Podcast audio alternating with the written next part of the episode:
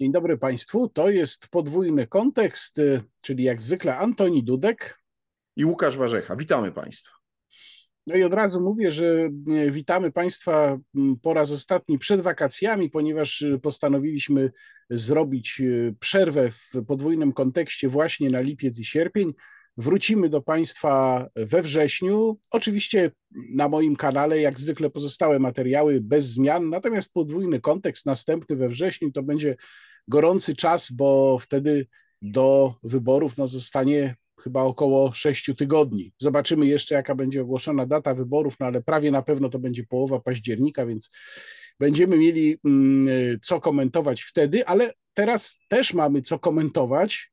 Oj, tak. bo, bo zaczynamy tak, zaczynamy od y, rzeczy oczywistej nie w Polsce, czyli od y, buntu, no takiego można powiedzieć efemerycznego, chociaż czy do końca nie wiadomo, buntu Prigorzyna i tu mm, od razu mówię, że to rzeczywiście ty, Antoni, wielokrotnie zwracałeś uwagę na te pretensje Prigorzyna coraz y, głośniej wyrażane wobec Kremla, to się przewijało w podwójnym kontekście wiele razy, nawet nie jestem w stanie policzyć ile, ale wskazywałeś na to, że ten Prigorzyn to jest punkt zapalny, dobrze to pamiętam, więc tutaj rzeczywiście miałeś dobrą intuicję.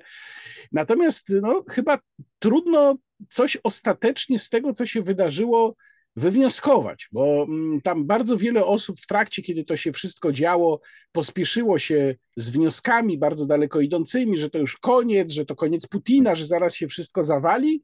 No a tymczasem sprawa trwała trochę ponad dobę i się skończyła tak właśnie też dziwną konkluzją. No i mamy tutaj dwie, mm, dwie dwa pytania. Po pierwsze, o co chodziło. Ja stawiam przede wszystkim tezę, że my tego na, na pewno to w ogóle tego nie wiemy i być może w ogóle nie będziemy wiedzieć. Roboczo bym wysunął taką tezę, że Prigorzyn sam poczuł się zagrożony e, i być może to zagrożenie wynikało z jego od dawna trwającej rywalizacji z kierownictwem Ministerstwa Obrony Federacji Rosyjskiej. Być może coś na niego było szykowane, postanowił zadziałać wyprzedzająco. Okazało się, że to nie wyszło tak, jak sobie wyobrażał. No, większość komentarzy dzisiaj mówi, że nie wyszło ze względu na brak takiej entuzjastycznej e, e, reakcji i samych służb rosyjskich, i przede wszystkim e, obywateli Rosji. Mm, chociaż, jak pewnie widziałeś te sceny, jak Prygorzyn z Rostowa nad Donem wyjeżdżał, no to tam entuzjastycznie był żegnany, ale ja z kolei czytałem też takie opisy tej sytuacji, że to pożegnanie nie było skierowane przeciwko Putinowi, że to było pożegnanie z dużą sympatią Prigorzyna, tam podawali mu rękę przez okno i tak dalej, ale że y, generalnie podobno nastrój był taki, że bardzo dobrze, niech się pogodzą, bo Putin też jest w porządku, tu wszystko zostanie załagodzone, Prigorzyn jest nasz, ale Putin też jest nasz, więc to wszystko raczej miało taki wydźwięk, że może była w tym jakaś racja, ale to nie powinno być skierowane przeciwko naszemu prezydentowi Putinowi. Mówię o reakcji ludzi, prawda? Ile w tym jest prawdy, nie wiem, no takie relacje czytałem, mm, ale to by było spójne z y, wnioskowaniem, że właśnie z powodu braku wystarczającego poparcia wśród obywateli Prigorzyn nie pociągnął tego dalej. No i teraz drugie pytanie to jest, co się z nim stanie? Czy rzeczywiście mm, to jest trwałe dogadanie się? No Putin oczywiście jest mściwym człowiekiem, a poza mściwością to sam Prigorzyn już pokazał, że jest zagrożeniem, chociaż, i myślę, że, że to jest tutaj być może najważniejsza sprawa, pytanie brzmi, czy Prigorzyn po czymś takim jeszcze rzeczywiście jest tym zagrożeniem? No bo czy jego byłoby w tej chwili stać na to, żeby drugi raz zrobić coś takiego? Ja uważam, że nie ale też uważam, że Putin nie wychodzi z tego wzmocniony, e, ponieważ jednak to zbyt długo trwało, zbyt swobodnie się rozwijało. Prigorzyn był 200 kilometrów od Moskwy, to już jest naprawdę blisko. Więc obraz Putina jako człowieka, który wszystko w Rosji kontroluje, jednak też runął. On być może nie był taki już w ogóle szczelny ten obraz wcześniej, ale tym razem to naprawdę zarobił potężny cios. No i też zadaję sobie pytanie, co z żołnierzami Prigorzyna, bo przecież oni w wielu działaniach y, wojskowych odgrywali bardzo istotną rolę. No i pytanie, co z nimi teraz? Więc ja widzę tutaj dużo pytań bez jakiejś definitywnej odpowiedzi, ale no, pozostają nam spekulacje. Tak, rzeczywiście w tej sprawie jest ciągle więcej pytań niż odpowiedzi. Natomiast ja jednak mam wrażenie, że cały ten bunt Prigorzyna Y, nie był przez niego zaplanowany, tylko był reakcją na próbę właśnie rozprawienia się z nim, ponieważ on wcześniej, jak słusznie przypomniałeś, wielokrotnie krytykował ministra obrony Szojgu, wielokrotnie wyzywał szefa sztabu generalnego, generała Gerasimowa, publicznie podważał autorytet dowódców armii w trakcie trwającej wojny. I to musiało rodzić coraz większe napięcia, i wygląda na to, że te wydarzenia zaczęły się w piątek od tego, że Szojgu podjął nieudaną próbę rozbrojenia Prigorzyna. Po prostu. Zaczęło się od tego, co oni tam mówili, że doszło do ataku na Wagnerowców i wygląda na to, że po prostu Rosjanie, czy armia rosyjska spartoliła operację zatrzymania czy zabicia, no nie wiem jak tam był rozkaz Prigorzyna i on wtedy zrozumiał, że gród mu się pali pod nogami, że teraz albo on coś zrobi, albo będzie e, w najbliższym czasie zlikwidowany, no więc postanowił przeprowadzić Marsz Prawdy na Moskwę w domyśle niech car, dobry car Putin zdecyduje, czy woli Prigorzyna, czy woli Szojgu. No i w trakcie tego obnażyła się jednak ogromna słabość Rosji, bo to, że te kilka tysięcy Wagnerowców mogło dojść tak blisko Moskwy, oni tam jednak ponoć pokonali ileś zapor z jakichś samochodów, czołgów, zestrzelili ponoć jakiś samolot, dwa czy trzy helikoptery, którymi próbowano ich zatrzymać, a i to pokazało, jak słaba jest ta wewnętrzna struktura państwa rosyjskiego w sytuacji, kiedy kilka tysięcy, no wiadomo, że kilka tysięcy nawet Wagnerowców nie byłoby w stanie opanować Moskwy, więc to, co groziło, to oczywiście to, że oni na rogatki Moskwy dotrą i tam by się zaczęły walki. I to byłaby już kompletna katastrofa dla wizerunku Putina i całej Rosji. To się, temu się udało zapobiec z pomocą, jak się wydaje, jednak Łukaszenki. Niektórzy tam to na pewno, Łukaszenka się w to zaangażował. Pytanie, czy tam się Chińczycy też w to nie zaangażowali, co niektórzy podejrzewają, tego nie wiemy. Łukaszenka wiemy, że się zaangażował i zgodził się przyjąć Prigorzyna. No i teraz pytanie, co dalej? Znaczy, ja twierdzę, że sytuacja jest naprawdę poważna, ale nie dla, dlatego, że Prigorzyn jeszcze coś może zrobić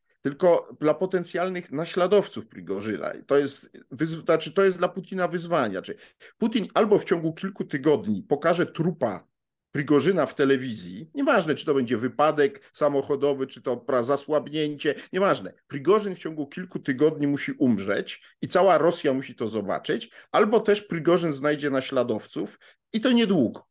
Dlaczego? Bo taki jest mechanizm walki w tego typu systemie. Putin okazał słabość i teraz inni spróbują tą słabość wykorzystać, rozumując tak, no w najgorszym razie nas Baćka przyjmie albo Chińczycy, tak? To znaczy, bo Putin nie jest w stanie nas wyeliminować, jak się nam nie uda ten pucz, no to w miarę tego, no bo, no bo tak się to de facto skończyło. Jeżeli Putin rano mówi, że doszło do zdrady i że przywódcy zdrady zostaną ukarani, a wieczorem okazuje się, że przywódca zdrady odjeżdża sobie spokojnie, nikt go nie próbuje zatrzymywać, do, brat Białorusi, gdzie prawdopodobnie jednak przebywa, no to to kompletnie moim zdaniem autorytet Putina został podkopany. Ja oczywiście nie twierdzę, że w Rosji władza leży na ulicy, natomiast wiem, że wielu ludzi się zastanawia, czy nie można by już Putina pożegnać. I to są ludzie moim zdaniem z aparatu jednak w y, sił specjalnych y, wojska, ponieważ moim zdaniem armia jest jednak y, w dużym stopniu wewnętrznie w Rosji podzielona. Zwróć uwagę, że zanim ten Prigorzyn ruszył do e, tego marszu na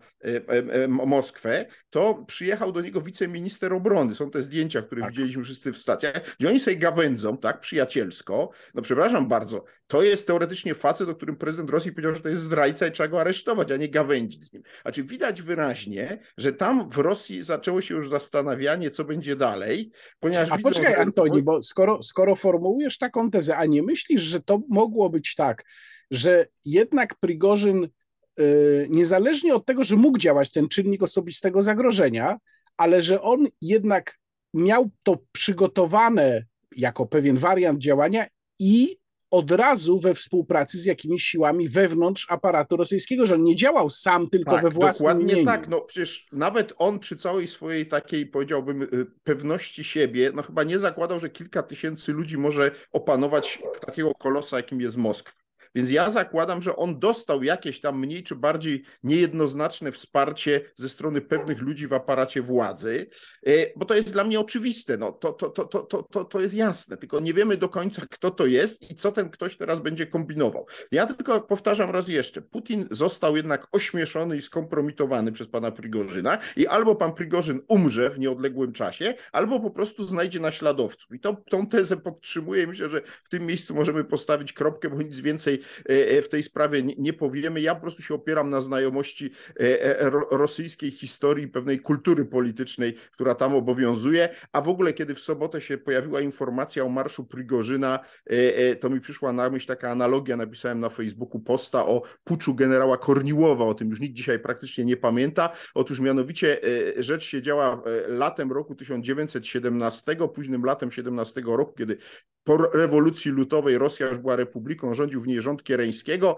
Głównodowodzący armii rosyjskiej generał Korniłow się zdenerwował, że rząd jest do dupy, że mu nie daje broni, nie daje mu e, nowych rekrutów i w ogóle trzeba z nim zrobić porządek i wysłał jedną z swoich podległych sobie oddziałów do Piotrogrodu, czyli do ówczesnej stolicy Rosji, żeby zrobił porządek z rządem Kiereńskiego. I zaczął się marsz, który zdumiewająco przypominał jego finał tego marszu, tego, tej dywizji, którą tam posłał, e, marsz Prigorzyna, mianowicie w po drodze ta dywizja się zatrzymała i uległa agitacji różnych bolszewickich agitatorów i innych partii lewicowych, że go przekonywali, że lepiej nie robić tego, nie maszerować i to wojsko się rozlazło i tam zostało. Kilka tygodni później bolszewicy przeprowadzili swój pucz, e, zwany później rewolucją październikową. Oczywiście dzisiaj nie ma w Rosji, a czy inaczej, są, jest partia postbolszewicka pana Zjuganowa, ona pewnie żadnej, żadnego puczu nie zrobi, ale jednak widać wyraźnie słabość e, władcy na Kremlu, tak jak ją było widać w roku 17. Na dłużej w Rosji nie może być słabej władzy, bo ktoś inny po nią sięgnie i to, myślę, że to jest dobry wniosek, tak? Taką konkluzją bym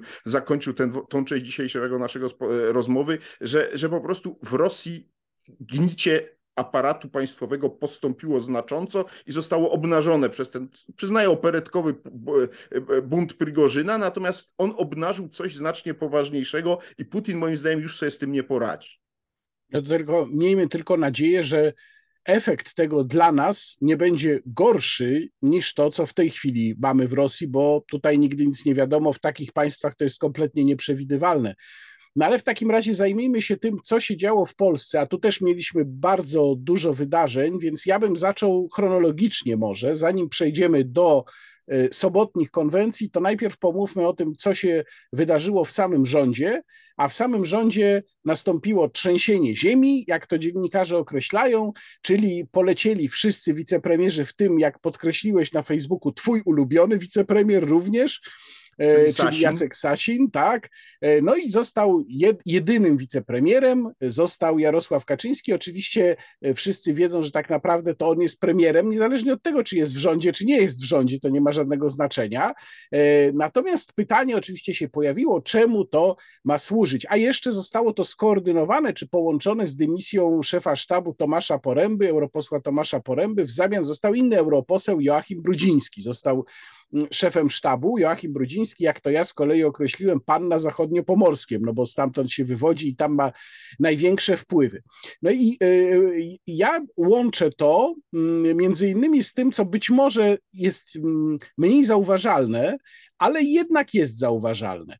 Y, I tu, przepraszam, zahaczę już o następny temat częściowo, czyli o konwencję w Bogatyni, gdzie Y, obok Morawieckiego wystąpił Zbigniew Ziobro. Oczywiście nie wystąpili jednocześnie, bo to było najpierw tam Ziobro, Morawiecki na samym końcu wystąpił tego cyklu występujących osób, ale jednak byli na jednej scenie.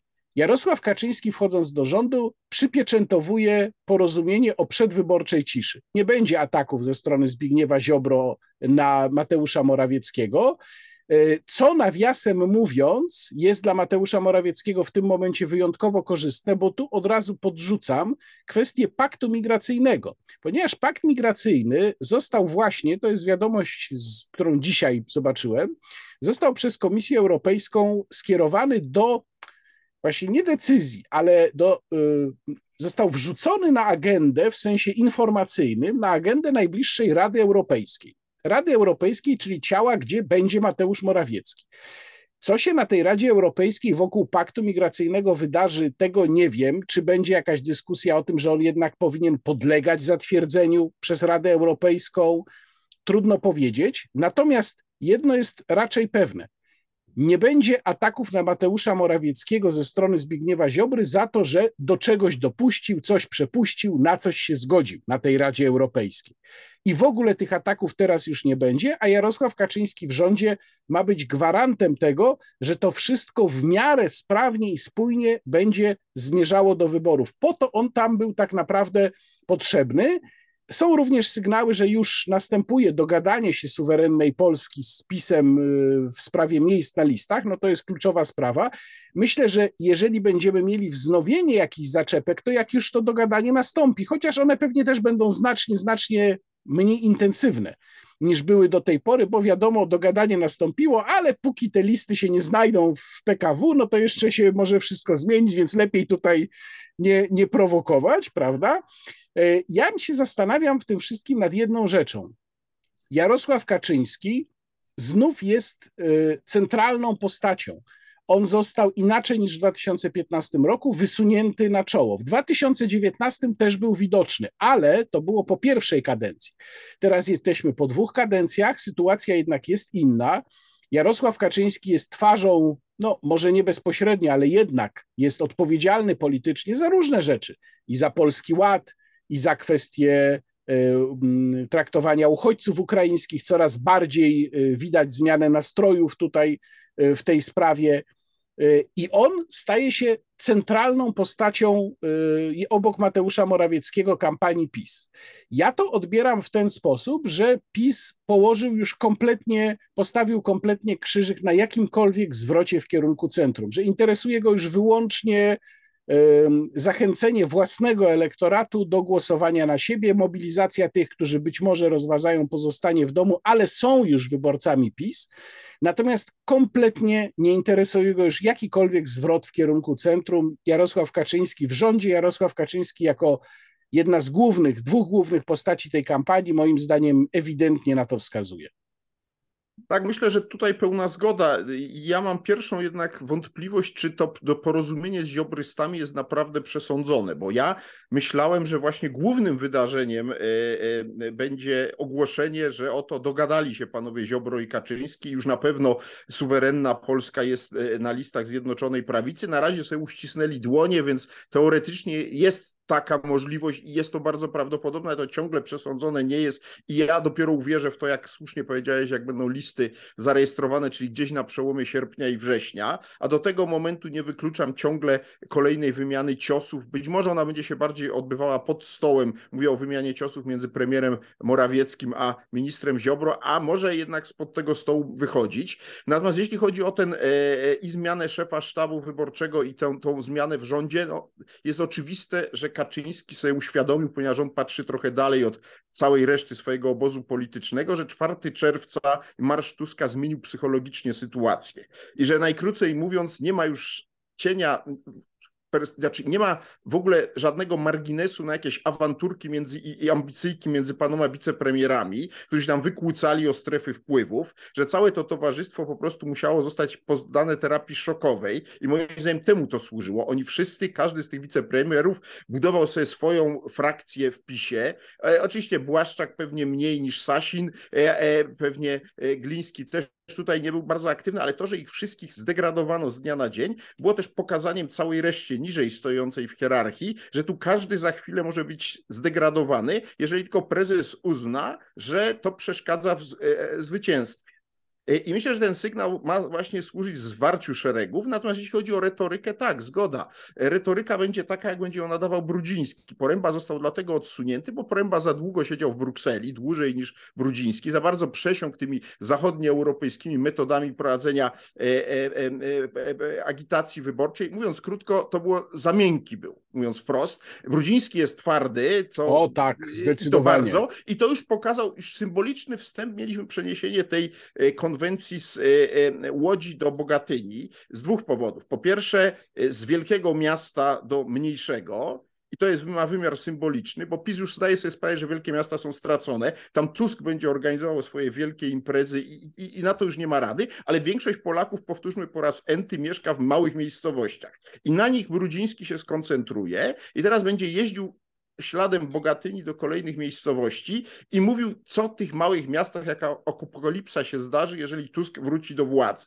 Znaczy będzie mówił, mieliście tutaj, prawda, e, komisariat e, e, policji zlikwidowany, mieliście dworzec PKP zamknięty przez Tuska, a myśmy to otworzyli. Zobaczcie, znowu wam to zamkną. Myślę, że to będzie główna retoryka, czyli straszenie miasteczko po miasteczku lokalnych mieszkańców tym, że po prostu będzie katastrofa kompletna pod rządami Tuska i to się może okazać skuteczne. Nie wiem jak bardzo, ale jeżeli w ślad za tym będzie jechał z czekami, prawda, taki czy inny minister i wręczał na, na, prawda, na do, dodatkowy tam most pieniądze albo na dodatkowy budynek taki czy inny użyteczności publicznej, to to może pomóc. Podobnie jak uważam, że PiS wymyślił nową wersję tego, co dało mu przed ośmiu laty władzę, czyli nową wersję 500, ale nie chodzi tu o waloryzację na 800, tylko na emerytury pomostowe.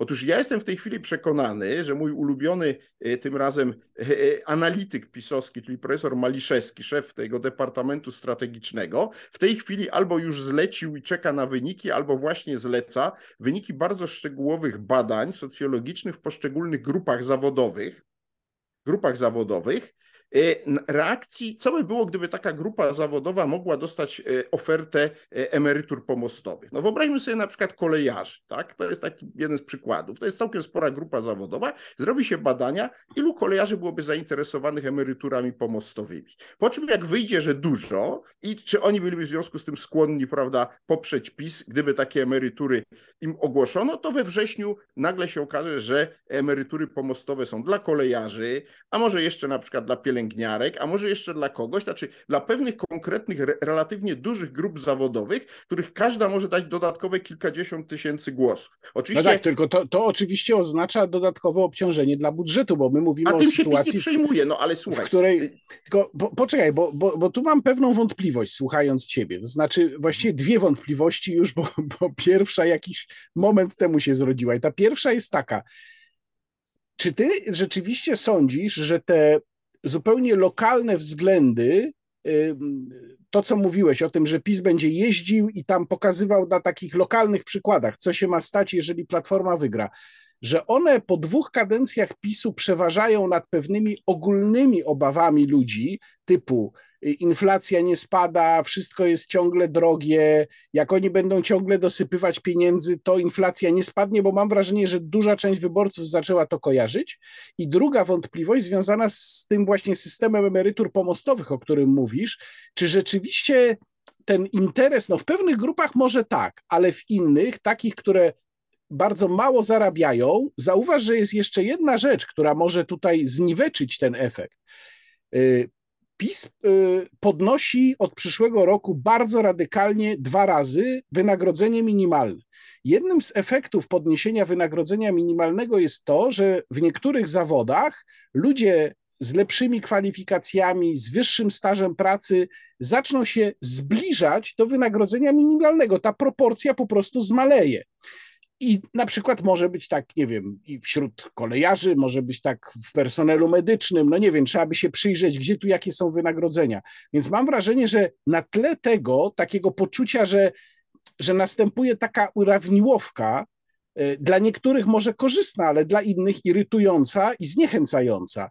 Czy ten argument z emerytur pomostowych rzeczywiście tu może podziałać? Czy te, czy no te słuchaj, krótko mówiąc, ja czy te tak. partykularne tak. kwestie tak. zadziałają bardziej niż te ogólne obawy. Słuchaj, no więc ja tego oczywiście nie wiem. Ja odtwarzam prawdopodobny kierunek działania sztabu pisowskiego, natomiast ja nie twierdzę, że to zadziała. Być może PiS jest już tak zużyty, że nic mu nie pomoże. To jest całkiem okay. możliwe. Natomiast ja y, staram się na podstawie różnych y, wypowiedzi i działań ludzi z obozu władzy odtworzyć kierunek ich działania, kierunek ich myślenia i tego, co, bo oczywiście temu wszystkiemu będzie dotyczyła wielka retoryka, że, że jest dyktat berlińsko-brukselski i tak dalej, ale na tym poziomie z Konfederacją już PiSowi będzie się ciężko E, ciężko wygrać, zwłaszcza, że stale będzie podnoszone, żeby Morawiecki się zgodził na, prawda, choćby te zobowiązania w zakresie polityki klimatycznej i tak dalej, więc tutaj PiS nie ma specjalnie za wiele e, nowych argumentów. Natomiast może cały czas wyciągać, mówiąc krótko, nowe króliki z kapelusza, czyli nowe obietnice, ale już bardziej wyprofilowane, bo ta wielka podwyżka, e, rewaloryzacja 500 plus na 800 plus no ewidentnie nie wypaliła. Podobnie jak te autostrady, które miały być a, za a no darmo. Właśnie, a no, no właśnie. właśnie. To wszystko nie zadziałało, więc teraz, skoro nie działają te oferty do wszystkich kierowane, będą próbowali się ratować ofertami wyprofilowanymi do mniejszych grup, mhm. licząc, że je się uda pozyskać. Ja nie wiem, czy to da efekt, bo ja się zgadzam z Tobą, że wielu ludzi może już w to nie uwierzyć. Natomiast ja mówię o tym, jak się PiS będzie próbował ratować, żeby ciągle dojść do tych, już nie wiem, 40 kilku procent, o których mówił Kaczyński, to nie wierzę, ale żeby utrzymać te 30 kilka procent, dlatego że e, to jest tak, że ten żelazny elektorat PiSu za chwilę może się zacząć e, kruszyć w rytm kolejnych mijanek w notowaniach z Platformą, dlatego że co jest najważniejszym efektem marszu 4 czerwca? Platformie udało się na naszych oczach, i to nastąpiło w drugiej połowie czerwca, mamy już kilka sondaży, przebić ten szklany sufit na poziomie 30%. Y, I to widać wyraźnie. Mamy już trzy sondaże, w których Platforma ma powyżej, Koalicja Obywatelska ma powyżej 30%. I to nie znaczy, że oczywiście za chwilę wyprzedzi i tam jesienią będzie miała 40%. To niekoniecznie musi nastąpić. Ale jedno jest pewne, o ile po wielu miesiącach stania w miejscu akcje Koalicji Obywatelskiej ruszyły, zresztą głównie kosztem trzeciej drogi, to akcje PiSu stoją w miejscu. Znaczy PiS nie ma już komu odebrać tych głosów. On może tylko mobilizować tych, którzy by do, do wyborów prawdopodobnie nie, nie poszli. Ale wiesz, przepraszam, nie ma albo, albo nie ma komu odebrać, albo się po prostu nie stara, bo ja wracam do tego, że PiS się skoncentrował, znaczy kompletnie odpuścił sobie próby y, takie ja mam poczucie, odbierania elektoratu właśnie innym. W ogóle, w ogóle nawet nie próbuje sięgnąć do, do centrum, kompletnie. No, y, przykład, znów przepraszam, muszę się odwołać do, tej, do tego wiecu właściwie bardziej niż konwencji z Bogatyni, zaraz o tym jeszcze szerzej porozmawiamy ja bardzo uważnie wysłuchałem całej, całego tego, wszystkich tych wystąpień. W żadnym wystąpieniu, a szczególnie ani u Kaczyńskiego, ani u Morawieckiego, nie pojawiło się słowo przedsiębiorcy. W ogóle tego nie było. On tam w pewnym momencie mówi, o kogo PiS będzie dbał. Pracownicy, panie na kasie, tam górnicy i tak dalej, emeryci. Przedsiębiorcy zero, w ogóle nie istnieją dla PiSu. No przecież właściwie nic by ich nie kosztowało, gdyby chociaż tam słowem o tym wspomnieli ale tutaj nic. No, dla porównania, no, wiesz, na, na, konwencji, na konwencji trzeciej drogi, nie wiem, te, też pewnie to widziałeś, na konwencji trzeciej drogi był moment, kiedy Władysław Kosiniak-Kamysz tam mówi wręcz przedsiębiorcy, sól ziemi, najważniejsi, dziękujemy wam, że jesteście, wielkie oklaski, ludzie tam skandują, dziękujemy, dziękujemy. No o Konfederacji to w ogóle nie mówię, bo oni pół programu mają skierowane do, do, do przedsiębiorców, ale tutaj nic. W ogóle żadnej próby podejścia uwagę, dobrze, Ale grupę. czy masz wrażenie, że Tusk coś specjalnie przedsiębiorcom oferuje? Nie, nie zwróć uwagę, nie. że tak naprawdę On wspomina o nich marginalnie, zupełnie marginalnie. głosu przedsiębiorców w Polsce rywalizują realnie dwie siły. Konfederacja, która ma pewnie tutaj większą popularność i trzecia droga nieco mniej popularna. Cała reszta sceny politycznej sobie kompletnie przedsiębiorców odpuściła i to są pewne twarde fakty, tylko pamiętaj, że tych przedsiębiorców w Polsce aż tak wielu nie ma. Oczywiście ich jest sporo, zwłaszcza tych drobnych, ale PiS najwyraźniej po tym, jak podniósł płacę minimalną, zrobił profesor Maliszewski badanie i wyszło, że przedsiębiorcy, ci drobni, dla których to jest cios, to pod, nieustanne podnoszenie płacy minimalnej w rentowność ich małych biznesów, y, po prostu mają dość PiSu. I tyle. Przeżyli Polski Ład, ten cały chaos, prawda, z podatkami, wiele innych rzeczy i oni moim zdaniem już kompletnie Morawieckiemu nie wierzą, więc PiS ich sobie moim zdaniem odpuścił. Podobnie jak sobie odpuścił moim zdaniem parę innych grup, nie wiem, nauczycieli, chociaż tam niby są jakieś podwyżki płac, ale e, ewidentnie minister Czarnek bardziej się zajmuje zniechęcaniem nauczycieli, moim zdaniem, do PiSu niż zachęcaniem. E, I tyle, więc e, pewne grupy, moim zdaniem, PiS sobie odpuścił, natomiast PiS ciągle zakłada, że Tusk się na którymś tam zakręcie przewróci, wykolei, że jeszcze chwila, jeszcze jeden odcinek serialu Reset, jeszcze jedno zaklęcie jakieś innego typu, może tam coś minister Wąsik znajdzie z podsłuchu z Pegasusa i zabijemy Tuska politycznie, tylko moim zdaniem w tej chwili jakby doszło już do takiej sytuacji, że cokolwiek PiS powie, choćby najbardziej prawdziwego i kompromitującego dla Tuska, druga strona w to nie uwierzy. Zresztą to działa też w drugą stronę. Jakiekolwiek by opozycja nie wyciągnęła informacje obciążające PiS, no choćby nowa historia z ministrem Żalkiem, byłym już ministrem, który wprost mówi, że jego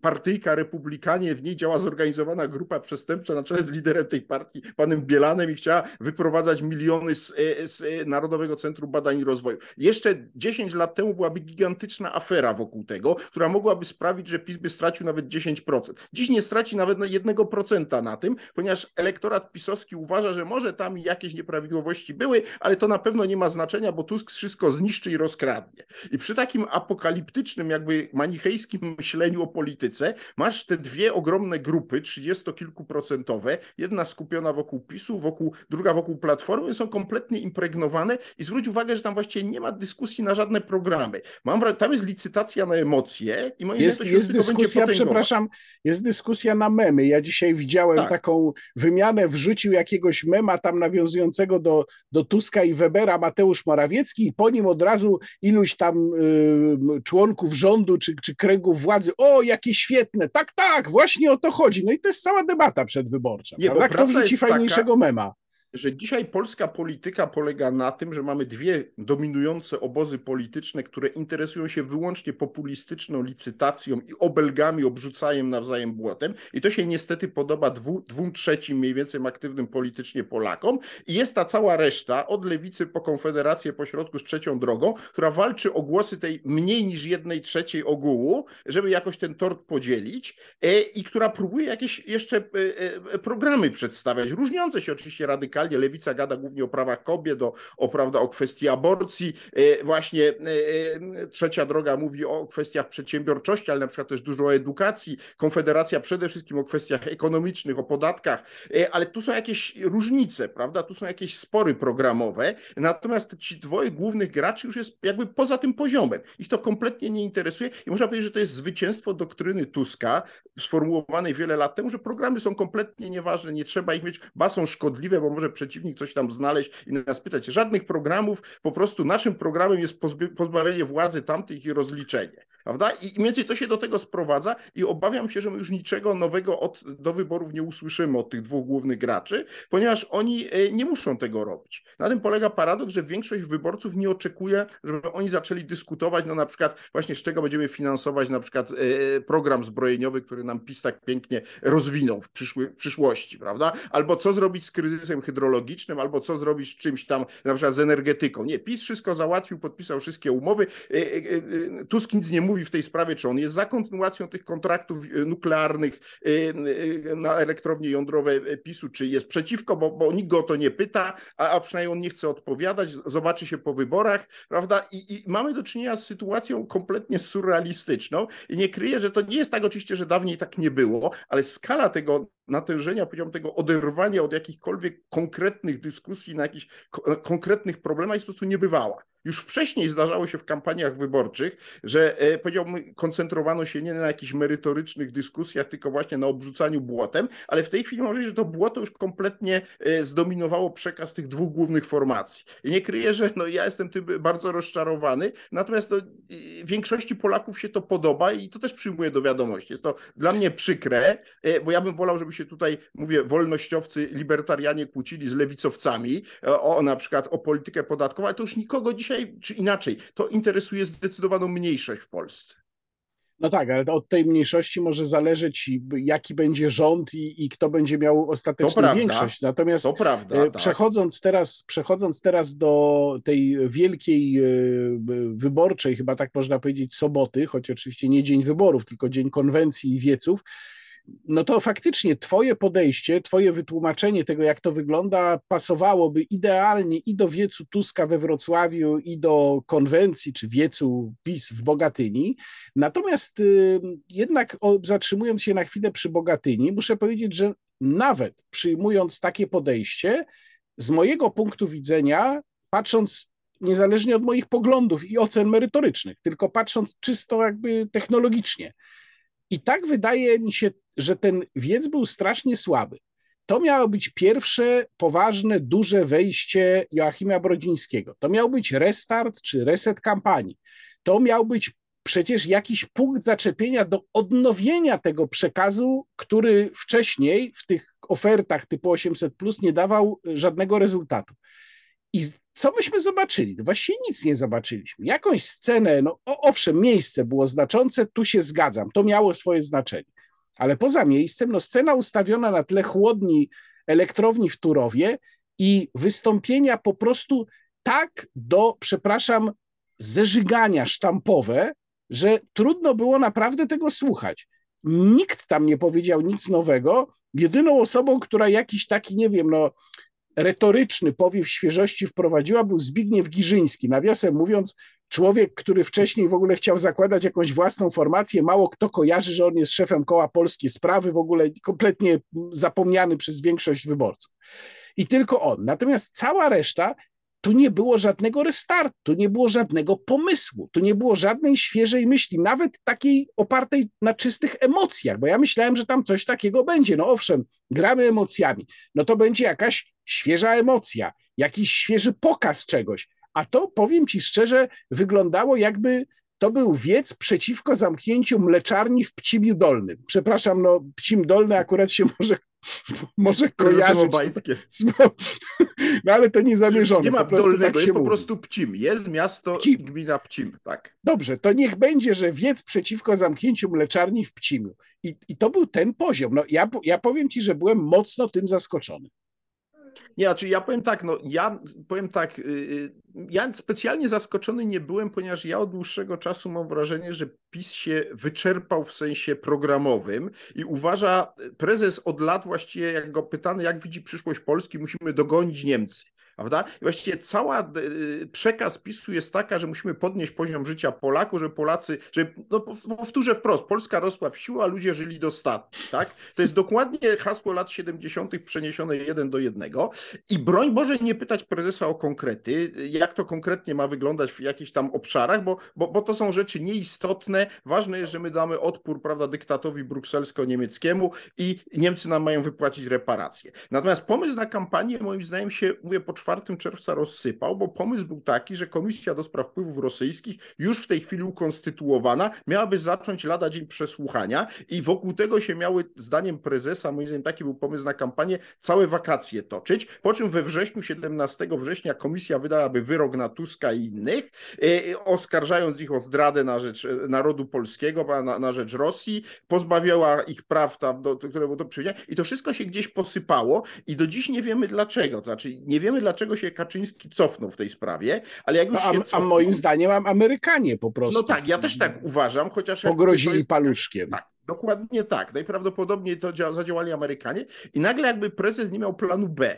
E, i został bez tego planu B, ten Tusk mu organizuje wiece w kolejnych miastach, które są całkiem spore, co było do przewidzenia. Zresztą oczywiście nikt nie przewidywał, że tego 4 czerwca się w Warszawie aż tylu ludzi zwiedzie, e, zjedzie, natomiast e, jednak, jednak od tego momentu jakby z PiSu kompletnie wyszła, to trochę tak jak ten Putin, który zobaczył tego Prigorzyna, Prigorzyna już nie ma, ale, ale wszyscy zobaczyli, że wyszło z powietrze z tego balonu władzy. I mam wrażenie, że PiS ma z tym ogromny problem, natomiast to jeszcze nie jest katastrofa. Katastrofa by się zrobiła wtedy, gdyby PiS zaczął spadać w sondażach poniżej 30%.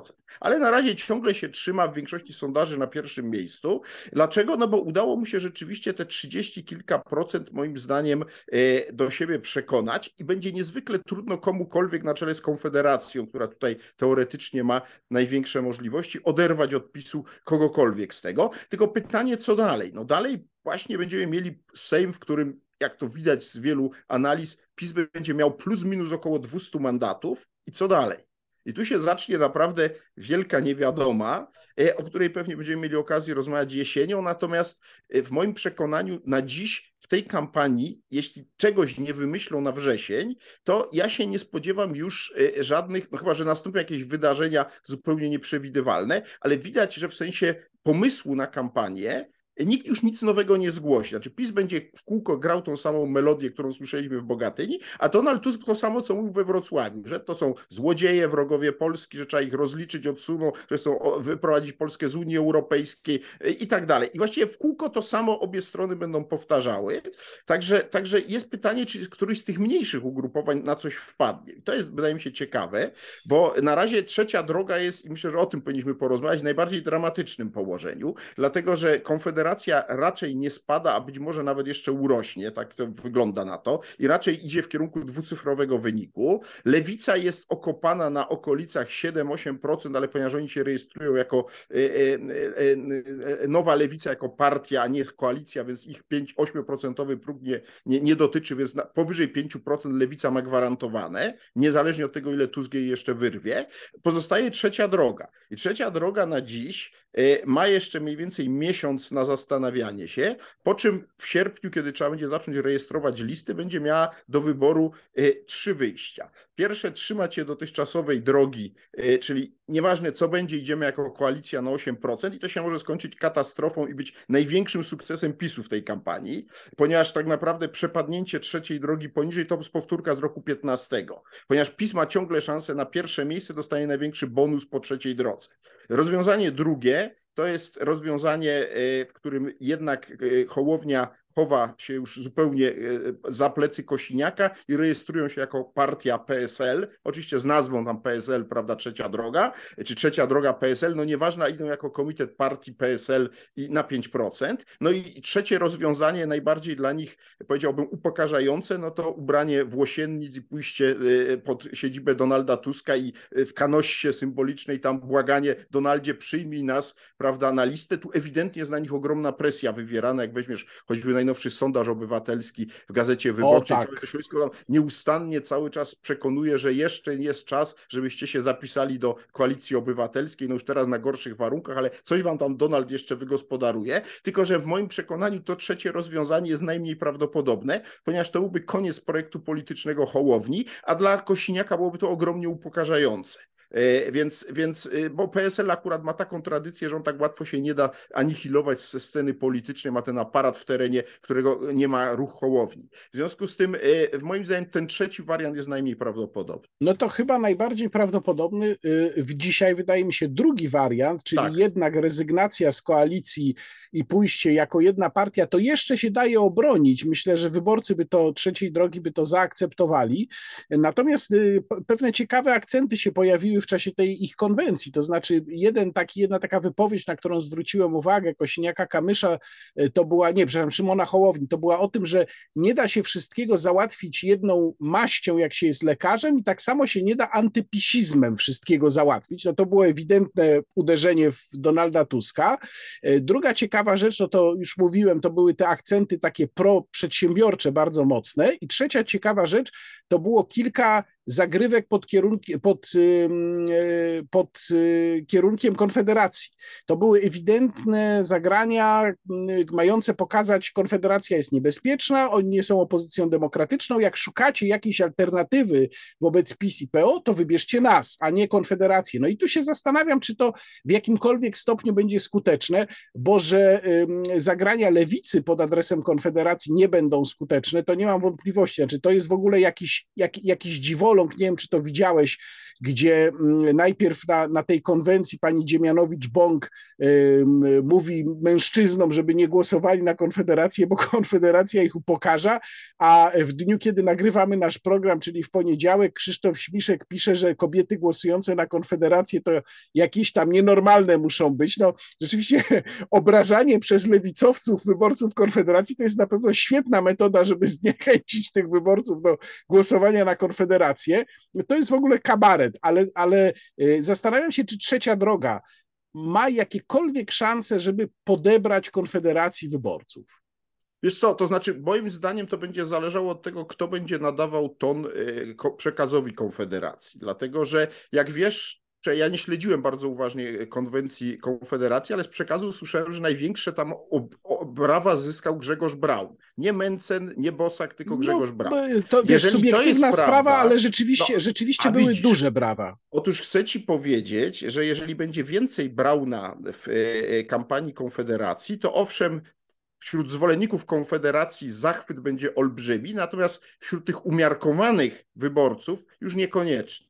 Czyli inaczej mówiąc, im będzie więcej brał, na tym niektórzy przedsiębiorcy się dzisiaj wahają między trzecią drogą a Konfederacją, mogą się e, przechylić w stronę jednak trzeciej drogi, dlatego że Grzegorz Braun reprezentuje, no powiedziałbym, to, co ja nazwam najbardziej fundamentalistycznym skrzydłem, to mówię bardzo oględnie, e, Konfederacji, podczas gdy Bosak i Braun starają się jednak ten wizerunek robić łagodniejszym. Bosak i Mencen. Tak, Bosak i Mencen, tak. Dlaczego? Bo e, no, prawda jest taka, że ten twardy elektorat Konfederacji to jest elektorat kilkuprocentowy. Jeśli się chce wyjść z poziomu kilku procent do kilkunastu, a to Konfederacji się udało zrobić, to się udało nie dzięki występom Grzegorza Brauna, chociaż one na konwencji taki aplauz wywołały, tylko dzięki występom Mencena i Bosaka. I to jest ta zasadnicza różnica. I to nie jest tylko problem tej formacji, żeby była jasność. W wielu innych formacjach tak już bywało, że wtedy się udawało e, wyjść, powiedziałbym, e, do szerszego kręgu odbiorców, jak się wychodziło z pewnego getta. E, to jest historia na przykład Unii Wolności i tego, jak w pewnym momencie Donald Tusk utworzył Platformę Obywatelską. Przez całe lata 90. Unia Wolności była inteligencką partyjką kilkunastoprocentową.